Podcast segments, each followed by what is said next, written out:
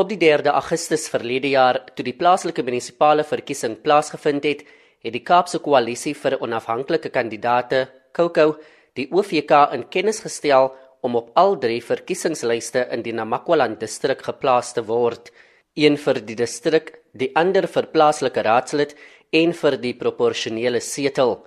Maar die OVK het misluk om die party op die proporsionele setel te registreer. Dit het die party genoop om die saak met die verkiesingshof op te neem. Die hof het ten gunste van Koko besluit en gesê 'n herverkiesing moet plaasvind. Die OVK het appeleer. Die saak is nou by die Appelhof in Bloemfontein. Koko se leier, Nico Janu, sê die OVK het hom misluk. Ek sou definitief 'n PR-seat in die distrik kon gekry het want ek is 'n bekende politieke figuur in die Namakwa distrikgebied.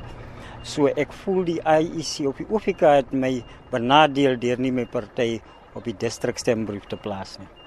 Janu is vol vertroue sy party staan nog 'n kans.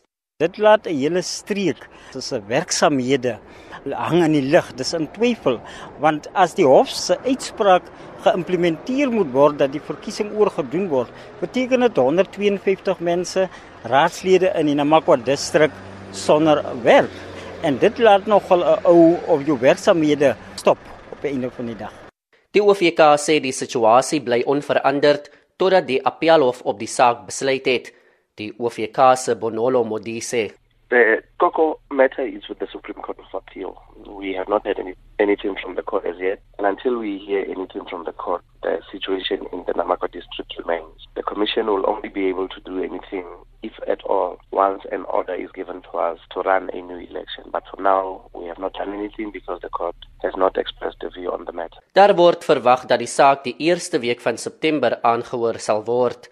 Ek is Reginald Witboy op Pofadder in Namakwaland.